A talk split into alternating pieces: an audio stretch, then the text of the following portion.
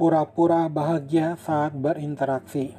Firman Tuhan terambil dalam Pengkhotbah 3 ayat 4. Ada waktu untuk menangis, ada waktu untuk tertawa, ada waktu untuk meratap, ada waktu untuk menari. Dalam kehidupan di dunia, manusia mengalami peristiwa menangis dan tertawa, meratap dan menari. Sekalipun seorang pendiam, tetap dalam hatinya mengalami hal yang demikian. Yesus sosok manusia yang sempurna mengalami apa yang dirasakan manusia. Injil tidak menceritakan Yesus tertawa, melainkan mengisahkan peristiwa bergembira. Misalnya dalam Lukas 10 ayat 21, sehingga suasana batin Yesus tetaplah identik, yaitu alami bersuka cita yang diduga dapat saja tertawa minimal dalam hati. Selain bergembira, Yesus juga pernah menangis.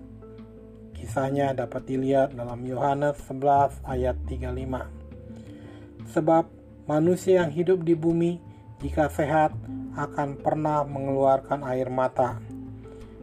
Secara kedokteran.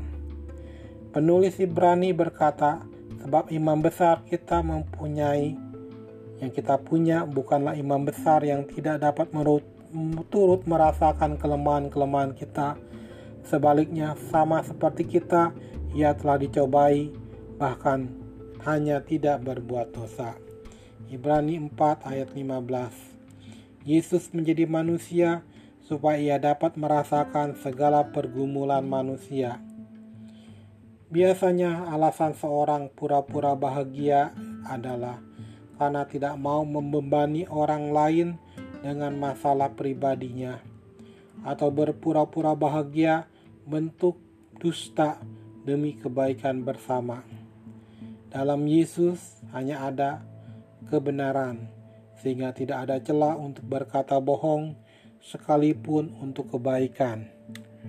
Saat ini ada pengajaran bahwa kita harus selalu berbahagia dengan alasan Bahagia itu menarik, menarik energi positif dan menyingkirkan energi negatif.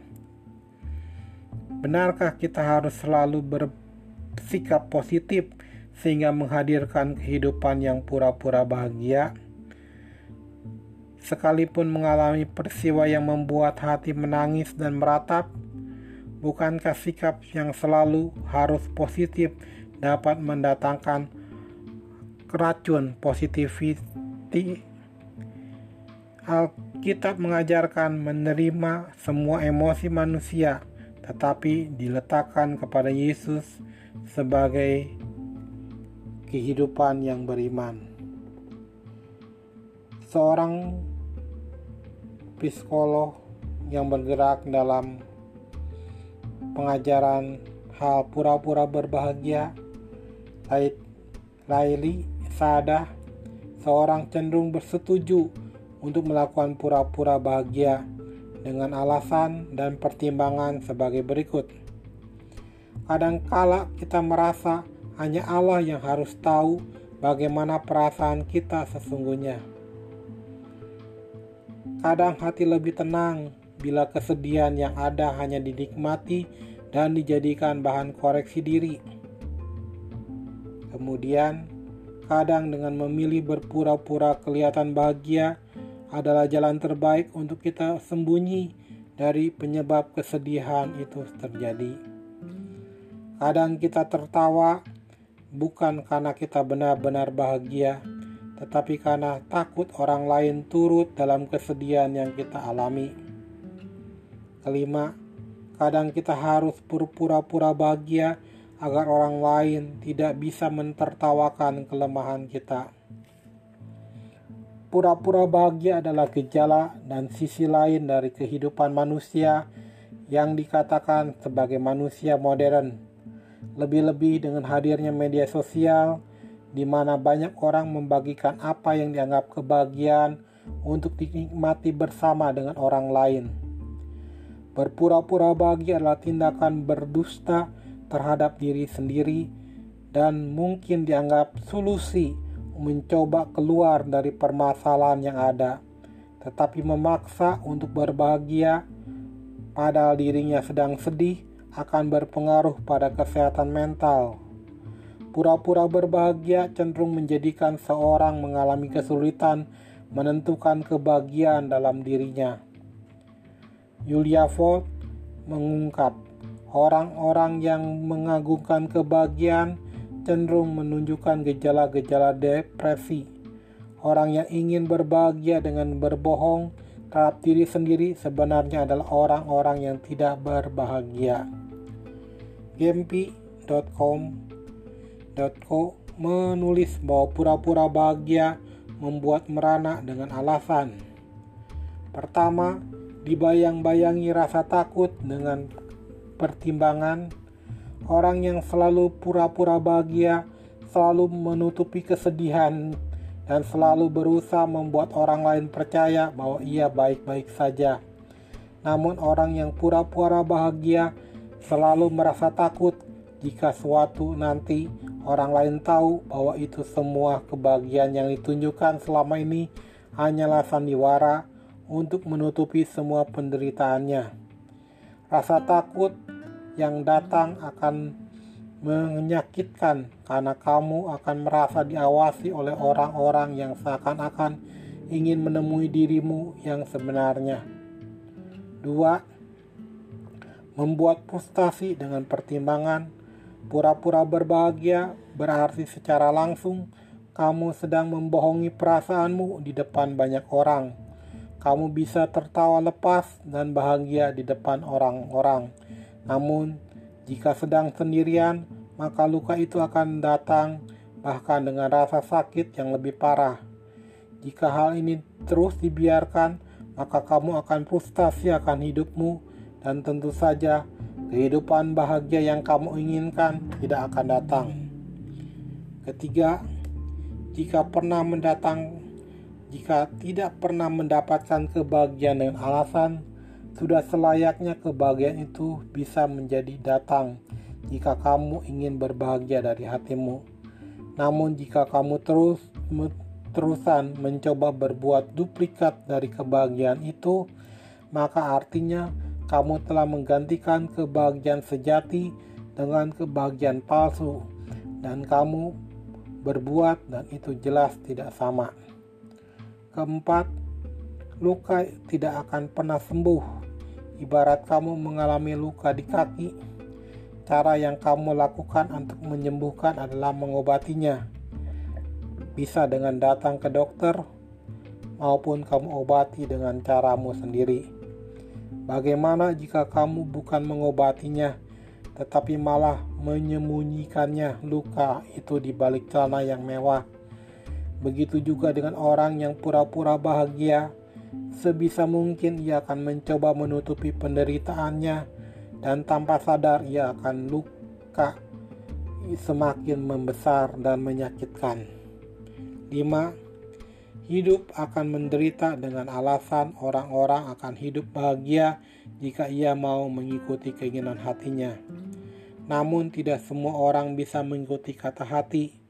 Alasannya, karena saat otak dan hati bersinggungan, maka ia lebih memilih kata pemikirannya dan tidak mengindahkan kata hatinya. Memang ada kalanya yang dikatakan pemikiranmu bisa benar, namun jika salah, maka yang akan datang adalah penyesalan dan kamu tidak akan bisa bahagia. Berpura-pura bahagia terkadang sulit dibedakan dengan yang benar-benar bahagia di pemandangan manusia, tetapi tidak dengan Tuhan yang Maha Tahu.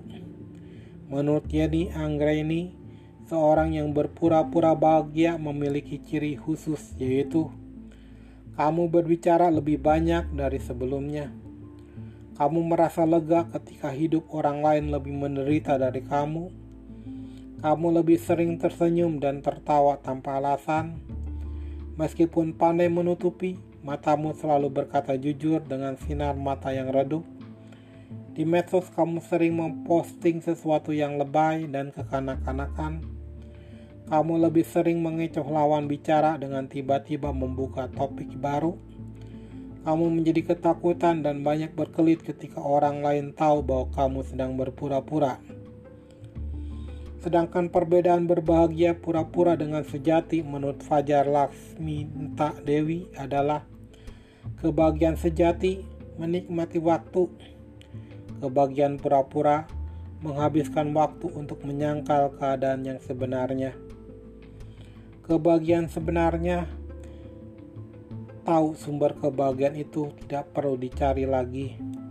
Kebahagiaan pura-pura terus mencari kebahagiaan dari orang lain atau dunia luar sampai merasa benar-benar bahagia. Kebahagiaan sejati akan membagikan kebahagiaan kepada orang lain. Kebahagiaan pura-pura hanya ingin menunjukkan kebahagiaan kepada orang lain, tetapi tidak sungguh merasakan pura-pura bahagia saat berinteraksi di masyarakat memberikan dampak buruk kepada yang berpura-pura. Meskipun ada penelitian dari Penn State University dapat meningkatkan mood, tetapi laporan yang terbaru menunjukkan pura-pura berbahagia dapat menimbulkan depresi dan gangguan mental. Pura-pura bahagia dapat dicegah dengan melakukan Pertama, mencoba untuk jujur terhadap perasaan diri sendiri dan memahami diri sendiri apa yang sedang dirasakan sebenarnya. Kedua, mencoba bersyukur dengan segala yang telah dimiliki sampai saat ini. Ketiga, mencoba lebih banyak berdiskusi atau bercerita kepada orang terdekat. Keempat, menjalankan hobi atau aktivitas yang disenangi. Pura-pura bahagia adalah keinginan untuk selalu tampil bahagia di hadapan umum, bukanlah jalan hidup manusia di bumi yang berdosa. Pengkhotbah menulis bahwa untuk segala sesuatu ada masanya, untuk apa pun di bawah langit ada waktunya. Kita tidak dapat melawan ketetapan Tuhan, dan jika ingin selalu berbahagia, maka raihlah hidup kekal dalam kerajaan surga yang dianugerahkan dan disediakan melalui Yesus Kristus. Sebab di sana tidak ada tangis dan air mata. Bahagia selalu berada dalam kemuliaan Allah yang kekal. Amin.